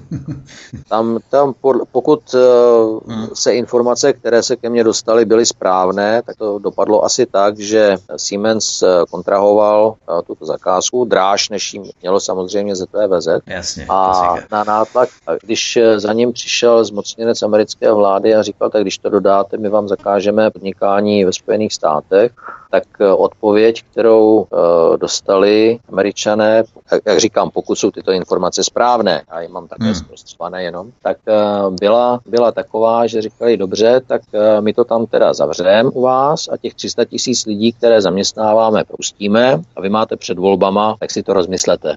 No a tím bylo vyřešeno. A takže, takže šlo o to, že Iránci prezentovali svůj atomový program jako svoje národní právo, protože proč by neměli mít svůj vlastní jaderný program. A musíme chápat věci v souvislostech, protože uh, podle toho, co říkal uh, bývalý technik z Dimony Vanunu, tak Izrael má svůj vlastní jaderný program a není signatářem uh, dohody o atomové energii, není, ano, není členem, členem agentury. Na druhé straně, na druhé straně Pakistán má svoje jaderné zbraně, Indie má svoje jaderné zbraně. Takže když je mají všude okolo, proč by nemohl mít Irán? Jo? A uh, chápou jsou to vlastně tak, že svět se snaží omezit je v jejich právech. Takhle to bylo prezentováno, prezentováno všude, všude v médiích v té době. No a Současně s tím přišla aféra eh, amerického radaru v Brdech pod ohrožením eh, iránskými raketami, Mušak 3, především s doletem kolem 3000 km. Já jsem byl na jednom eh, semináři k tomuto tématu, které, který organizovala tehdejší Topolánková administrativa, respektive nějaký pracovník z toho Klvaňova úřadu na propagaci amerického radaru, který Topolánek, Topolánek tenkrát zřídil, na což se dost jako rychle zapomnělo, zejména v našich pravdomluvných médiích. Ano, kritický volba. A ano. A e, začal tam kreslit různé e, kružnice dostřelů těch raket, že vlastně můžou dostřelit až do Brna. Jo. A já jsem se teda zeptal potom v diskuzi, odkaď ty vzdálenosti jako měřej. Tomu říkal, no samozřejmě od hranic. A jsem říkal, a to si vážně myslíte, že Iránci svoje nejcennější zbraně uh, budou přivážet, stavět, montovat, plnit, odpalovat uh, z hranic s Tureckem, tak aby byli na dostřel uh, dělostřelecké palby a případně v dosahu komand. Hmm. Tak na mě koukal jako, jako celá vyvaleně, protože zřejmě uh, to byl nějaký mládenec, který o armádě ani neslyšel. To nenapadlo. A, a já jsem mu říkal, uvědomil jste si, že Irán má napříč sám o sobě 3000 kilometrů. Takže hmm. pokud uh, tyto zbraně použije uh, z bezpečných míst, z bezpečných odpališť, někde v centrálním Iránu, tak jenom na hranici to je 1000 kilometrů. Například z Teheránu na turecké hranici je to přes 1000 kilometrů. Takže tím pádem on ty, on ty rakety, pokud je má, tak uh, je má akorát tak dobrý na to, aby zasáhl případný schromaždiště nějakých cizích armád, který by na něj chtěli zautočit. Hmm. A, ale to se zase nehodilo do té propagandě, takže tento faktor samozřejmě nikdo, nikdo nezveřejňoval. A Irán jako takový samozřejmě věděl jednu věc, že eh, v momentě, kdy ten atomový program nějakým způsobem má, tak čím je rozvinutější, tím je bezpečnější. Protože v té době, v té době se jednalo naprosto otevřeně i mass médiích o tom, že eh, američani zautočí na iránský jaderný program uh, nízkoletícími raketami, uh, o tom, jak vlastně jim to dokážou všechno, všechno zničit, že udělají to tež, co udělali Izraelci v Iráku a prostě rozbijou to, což samozřejmě působilo velmi humorně, protože Irán, jak víte, je velice hornatá země, tam jsou hory, které přesahují 4000 metrů, hluboké údolí a Iránci poučení z toho, co se stalo v Iráku, tak atomový program v podstatě diverzifikovali a ukryli ho do těch hor. A e, potom e, jsem se dozvěděl samozřejmě od dalších, dalších svých známých, že nakoupili satelitní rušičky nebo rušičky satelitního signálu. A když se to spojíte s tím, že tyto rakety jsou naváděny systémem GPS, tak e, v momentě, kdy tento signál je rušený, tak ta raketa zabloudí. Hmm. Takže to bylo celkem, celkem jako zajímavý faktor, ale fakt je ten, že uh, nikdy, nikdy jsem nikde nezachytil o tom, že by, že by Iránci měli nějakou zprávu o tom, že by měli zájem mít atomové zbraně, protože proč by je měli vyrábět, když se dají na druhou stranu celkem levně koupit na černém trhu, uh, když pomineme bývalý sovětský svaz nebo, nebo prostě dalších výrobců, kteří je mají, kteří by jim je určitě rádi prodali, že by měli jednu, dvě, tři, pět, patnáct uh, jaderných hlavic, ale uh, věřím, že jsou tady, jsou tady ty dvě, uh, ty dvě hlediska, to znamená jednak mírové využití jaderné energie, na které by měli mít právo a Irán navíc ještě je signatářem agentury pro atomovou energii. Hmm. Uh, měli tam pravidelné kontroly, měli tam pravidelné, pravidelné inspekce, jenomže pak se zjistilo, že ty inspektoři vlastně nejsou inspektoři atomové energie, ale jsou to nějaký vojenští experti, kteří prostě tam, tam zkoušejí uh, zkoušej, uh, získávat další informace. Takže, takže to mělo samozřejmě další zase, další zase efekty politické v té, v té dohře, protože tam, já si myslím, že tam šlo prostě zase o to, kdo bude v Americe prezidentem. Na mé otázky dnes odpovídá Jiří Kobza, poslanec za hnutí SPD Svoboda a přímá demokracie, který působil v celé řadě arabských zemích nejen jako charge d'affaires, ale i v rámci dalších pracovních pozic. Po písničce budeme pokračovat dále v našem rozhovoru o Iránu, vstoupíme do posledního bloku našeho vysílání. Hezký večer. Dnešním vysíláním nás provází stále Jiří Kobza, poslanec za hnutí SPD Svoboda přímá demokracie, který působil v celé řadě arabských zemích. Povídáme si o Iránu a navážeme dále, totiž když se ještě pozastavíme v roce 2000 2013, kdy víme, že nakonec zvítězil Hasan Rouhani po předchozím Mahmudu Ahmadinejādovi. Objevují se spekulace o tom, že současný iránský prezident Hasan Rouhani byl podporován masivní americkou lobby různými nevládními organizacemi, propagandou západních médií a kolaborací reformistů v Iránu, v samotném Iránu, aby zničili iránský jaderný program výměnou za ochranu iránských duchovních ajatoláhů, aby mohli dále vládnout Iránu. Navíc klíčoví členové Ruháního vlády byli vybraní ze stejné skupiny iránských diplomatů z iránské mise při OSN. Za všechny jmenujeme třeba iránského diplomata Zarifa Kobyho, ministra zahraničí Iránu. Zarif Koby se deset let předtím, to znamená v roce 2003, setkal se senátorem Johnem Kerrym na večírku pořádaného Georgem Serešem a právě tento Zarif Koby vedl iránský vyjednávací tým, do kterého patřil třeba i eh, Hussein Fereidum, což byl mladší bratr prezidenta Ruháního, který dříve působil na iránské misi při OSN v rámci toho projektu New York, eh, New Yorkské organizace Irán. Jo. Prostě to nejsou žádné konspirace, ale ty vazby vazby na americkou lobby jsou tu více než jasné. Takže do jaké míry Spojené státy americké ovlivňovaly Irán přes Hasana Ruháního a v podstatě udrželi ten systém ajatoláhů při moci? No, tak eh, prezident Rouha, současný prezident Rouhání byl hlavním vyjednávačem Iránu o atomovém programu. To znamená, že to byl člověk, který byl velice, velice vlivný v iránské diplomacii a co se týče přímého vlivu Ameriky, nebo abych spíš řekl eh, určité, určité symbiozy, protože i s nepřítelem můžete mít, můžete mít eh, vzájemně výhodný vztah, už jenom protože jste nepřátelé. Politika je taková. Hmm. A myslím si, myslím si, že eh, nějaký konkrétní vliv, že by to Amerika financovala v Iránu, jako to financovala v roce 53, když pomáhala svrhnout prvního republikového premiéra Mossadeka, tak si myslím, že v dnešní době už to asi nebylo tak úplně jednoduché, protože přeci jenom ty kontrolní mechanismy, které tam mají uh, nastaveny, jsou docela, docela důkladné a uh, Iránci uh, umí zpracovávat informace, takže bych tuto, tuto teorii tak nějak nepodpořil. Viděl bych to, viděl bych to dost černě. Eh, nevylučoval bych snahy. Eh, fakt je ten, že eh, oproti radikálnímu dogmatickému Ahmadinejadovi současný prezident působí daleko umírněněji, daleko otevřeněji. Je to takový, bych to řekl, nechci říct Gorbačev, protože ten byl až submisivní, ale, ale tak nevím, čemu bych to přirovnal. Jako když po Stalinovi přišel Chruščov, jo? Jako když po Stalinovi přišel Chruščov, jo? Že prostě po těch radikálech přišel někdo, kdo to uvolnil a začíná, začíná prostě vycházet eh, naprosto pragmaticky eh, ze zájmů své země a snaží se to nějakým způsobem vést tak, aby eh, ta země se dostávala, dostávala dál. I když se mu to nemusí dařit, že jo? protože samozřejmě ty, ty krize, které jsou a ten tlak z okolí, který je, tak samozřejmě se na nich, na nich podepisuje velice. A mě zajímavá věc třeba jedna, která, které nemám informace, ale která by mě zajímala. Irán sice je největší producent ropy, ale měl problém se zpracováním. Takže co se týče třeba zásobování benzínem, tak vycházel, eh, vyvážel do Saudské Arábie eh, surovou ropu právě na zpracování na benzín a vozil zpátky benzín. Aha. Takže když teď eh, vztahy ochladly, tak jak, jak jsou na třeba se, se zásobováním benzínem pro vnitřní hmm. trh. Zase na druhou stranu Iránci měli obrovský program přechodu aut na stlačený zemní plyn, kterého mají spoustu a mají kapacity na to stlačování.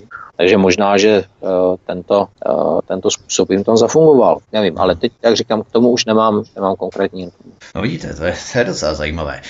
No, koncem pořadu se vrátíme zpět do České republiky, ale zůstaneme tak trochu u Iránu. Vysvětlím to.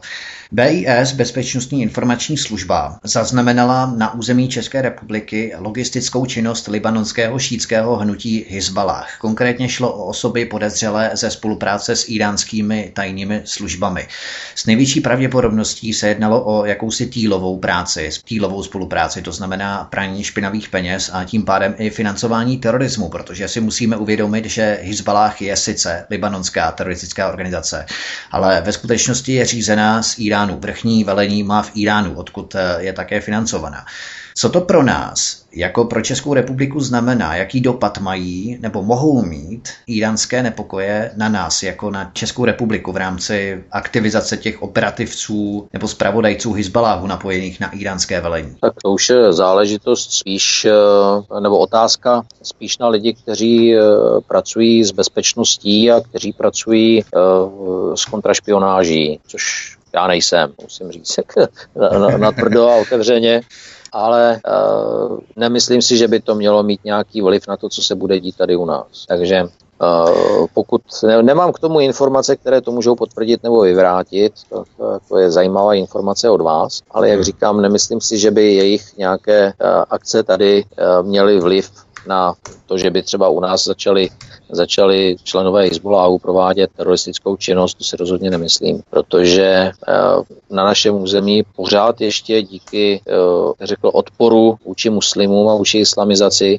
přece jenom jsou pořád ještě slabí. A teroristická činnost musí mít, stejně jako každá vojenská aktivita, určité podmínky, musí mít zázemí, musí mít logistiku, musí mít zásobování, musí mít eh, ideologii, musí mít personální zabezpečení, informace musí mít, že jo, a takový a to, to mají tam, kde, kde už jsou eh, uzavřené muslimské enklávy, eh, ve kterých se můžou usídlit, radikalizovat, kde se můžou zásobit a kam se můžou po útoku stáhnout zase, zase zpátky, což naštěstí teda u nás zatím ještě není. Já jsem ani tak nemyslel teroristické útoky, jako spíš vytváření určité týlové podpory v rámci financování praní špinavých peněz, v podstatě těch finančních eh, transferů, záložen, eh, což oni mají v podobě hmm. těch kebabáren, což je zcela běžné v arabských zemích. Tak spíš eh, tímto pohledem jsem se zaměřil, jestli třeba tady nemůže být to zvýšení uh, jejich aktivity. Tady, tady, tady není, není zase tak úplně nutné ty, ty peníze prát, protože existuje systém transferů peněz, který se jmenuje Havala. Uh-huh. A vychází to z toho, že představte si dva bratry, jeden sedí uh, na Mašku a jeden ve Frankfurtu a zabývají se transfery peněz. Takže přijde za ním babička a říká, já potřebuji svýmu synkovi uh, do Berlína poslat nějaké peníze. Dobře, babi, tak mi jede, kolik je tady tisíc dolarů, tak jo, uh, bude to stát, bude to stát 100 dolarů. A řekne, dobře, tak jo, zvedne telefon, zavolá svému bratrovi do, do Frankfurtu a řekne, hele, přijede za tebou člověk z Berlína, řekne ti tohle heslo a ty mu dáš 950 dolarů. Jo, vyřízeno. Přijde člověk, řekne heslo, dostane 250 dolarů. Ty peníze nejsou nikde evidované, ne, neprošlo to žádným bankovním transferem, je to na základě jednoho telefonu. A e, stejným způsobem potom fungujou, funguje posílání peněz z toho Německa ven. Zase zavolá mu z Frankfurt svým bráchovi do Damašku, řekne, hele, přijde za tebou tahle ta babička, řekne ti to heslo a její syn jí posílá tady 2000 dolarů, aby se přilepšila. Jo? Takže ty peníze de facto neopustí Blízký východ, neopustí Evropu, Aha. ale oni pracují tak, že v podstatě přijímají peníze a vyplácejí peníze na základě pokynů uh, toho, uh, toho bratra z druhého konce. Aha, jo? Rozumím, rozumím. Takže tím pádem, tím pádem není, není žádná kontrola, nad tím nedá se to sledovat. Jo? A uh, potom uh, operace jako praní špinavých peněz a podobně jsou poměrně, poměrně rizikové. Tady samozřejmě je druhá věc, a to jsou peníze, které jdou na džihad, kdy vlastně přicházejí sem peníze v hotovosti, které je nutné nějakým způsobem legalizovat. A k tomu se ty kebabárny a podobné podniky samozřejmě hodí. Jo, ale Totiž... to jsou zase peníze, které, které potřebujete na to, abyste, já nevím, postavil, postavil někde mešitu, tak musíte prokázat, kde jste ty peníze vzal. Já totiž eh, si vzpomínám, že v roce 2015 byl podán návrh na rozšíření pravomocí BIS. Eh, hovořilo se o přístupu k daňovým dokumentům, finančním úřadům i údajích k bankovním účtům, aby BIS mohla stopovat zdroje a pohyb eh, velkých peněžních eh, částek a finanční úřady jim zase napoví směrem k čitelnosti různých firm i konkrétních osob eh, muslimů. Takže ty snahy tajných služeb tu evidentně jsou. Tajné služby chtějí monitorovat stopy pohybu peněz. Ovšem vždy tedy budou o krok pozadu, jak jste nám odkryl v podstatě, protože oni si to mohou předávat tímto způsobem, což také standardně běží. Ale co jsem se chtěl zeptat, tajné služby v roce 2000 2016 odhalili, že minimálně v jednom případě odešly z České republiky finance na účet islámského státu. Plyne to ze zprávy o situaci oblasti vnitřní bezpečnosti a veřejného pořádku v České republice. Za rok 2016 mluvčí BIS Vladislav Šticha potvrdil, že agenti zaznamenali minimálně jeden případ odchozí platby z Česka směrem k islámskému státu. Takže možná přesně ty rizikové akce, které podstupují v rámci finančních transferů prostřednictvím bank, čili je to vystupovatelné, ty převody peněz, tak oni podstupují i tak. No, je to, je to zvláštní. Člověka potom napadá, když mají k dispozici podobný systém, jako je Havala. Proč to dělají? Hmm. No, jestli to byla třeba jenom zkouška, jestli to bude zachyceno, nebude to zachyceno, nebo to mělo odvést pozornost, nebo to mělo uh, jiný, jiný úkol, nevím, to teďko těžko, těžko říct. Hmm. Ale fakt je ten, že, že to, nejsou, to nejsou jenom kebabárny, že to jsou i různé další organizace a my chceme uh, dosáhnout jedné věci politicky, aby všechny organizace, které jsou financovány ze zahraničí, aby toto museli naprosto jasně a veřejně deklarovat. Eh, to znamená počínaje různými vzdělávacími organizacemi, různými fondy, různými eh, nadacemi, neziskovkami a tak dále, aby každý, kdo dostává peníze z zahraničí, aby to deklaroval, to je v první řadě. A v druhé řadě, eh, z druhého konce, aby všechny organizace, které hospodaří s našimi státními penězi, ať jsou to různé integrační agentury nebo, nebo neziskovky a podobně, které navazují vlastně na ty organizace z druhé strany, aby pokud hospodaří se státními penězi, nebo eh, se společnými penězi, když to řeknu tak dobře, tam jsou i obecní nebo krajské a podobně, aby podléhali kontrole nejvyššího kontrolního úřadu, už prozatím, prozatím eh, příliš nepodléhají. Mhm. Takže o to se snažíme politicky, protože si myslíme, že, že přes ty peníze je to takový ten první, eh, první krok, jak dosáhnout, dosáhnout kontroly toho, co se tady opravdu děje. To je ten ekonomický džihad z těch čtyřech džihádů v podstatě, že? Ano, hmm. samozřejmě. No tak on ten ekonomický džihad je i tím, že financujete tu pátou kolonu, že jo, a, a přesvědčujete je, aby hájili uh, vaše, vaše zájmy. Že? Konec konců uh, krásný příklad tohoto džihádu, i když to tam není tak jmenováno, tak uh, je v knize Valtaryho Pád Cařihradu, kde vlastně Turci, turecká armáda začala financovat uh, právě pátou kolonu uvnitř, aby rozvrátila uh, vůli uh, Byzantinců se bránit. K tomu ekonomickému džihádu poslední otázka. Vedle halal certifikátů, což je další zdroj financování peněz, třeba muslimské obce v Praze a tak dále, a dalších e, islámských obcí, tak e, se jedná i o další zdroj financování islámských nadací tady v České republice, ale i všude po Evropě. Ale zůstaneme u České republiky tak eh, dochází totiž k nesrovnalostem v účetnictví, kdy islámské nadace a mešity deklarují menší platy v rámci odvodů pro své zaměstnance, než kolik ve skutečnosti dostávají. A ten rozdíl mezi vykázanou a celou výplatou jde do takzvaných černých fondů těchto islámských nadací. Na odvodech se podvádí nejenom u zaměstnanců těch mešit, ale dokonce i u soukromých firm, které muslimové vlastní. Tedy jak zaměstnanci mešit u nás, tak i muslimské firmy u nás se odvádějí formou takzvaného desátku islámským nadacím do těchto černých fondů, které v účetnictví samozřejmě zahrnuty nejsou logicky. V podstatě může se dělat něco i s tímhle. Tak eh, což pak nepravil prorok Mohamed, že kdo nepřispívá na džihad, zemře smrtí pokrytce. Takže to je záležitost samozřejmě finančního úřadu, aby kleknul eh, na tyto, na tyto firmy a začali kontrolovat. Hmm. Ale chtěl bych říct ještě jednu věc tady k tomu. Tady je zapotřebí říct ještě to, že je zajímavá jedna věc, že uh, donesla se ke mně informace, že místní muslimové, muslimské organizace vyzvali své členy, aby nehlasovali pro Zemana v prezidentských volbách. Což je docela zajímavé, protože uh, když si uvědomíme, že ve Francii šest neděl před volbami eh, vrchní francouzský imám vyzval francouzské muslimy, kterých je nějakých 6-7 milionů, aby hlasovali pro Macrona. Aby hlasovali pro Macrona. Tak eh, v podstatě už i u nás se snaží uh, začít používat nástroje politického islámu k tomu, aby získávali nějaký politický vliv a politickou moc.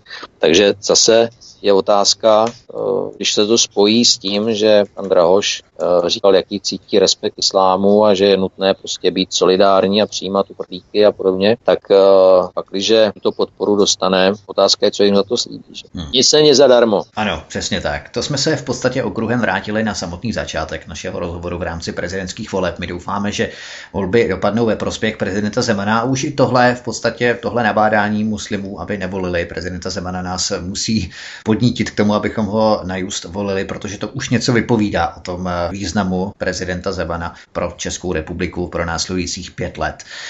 Pane poslanče Kobzo, já vám moc děkuji za to, že jste se účastnil našeho rozhovoru, za velmi zajímavé povídání. Já myslím, že jste mnoha lidem otevřel oči, rozšířil souvislosti ohledně Iránu, ohledně dalších věcí geopolitiky kolem Iránu, které ho obestírají.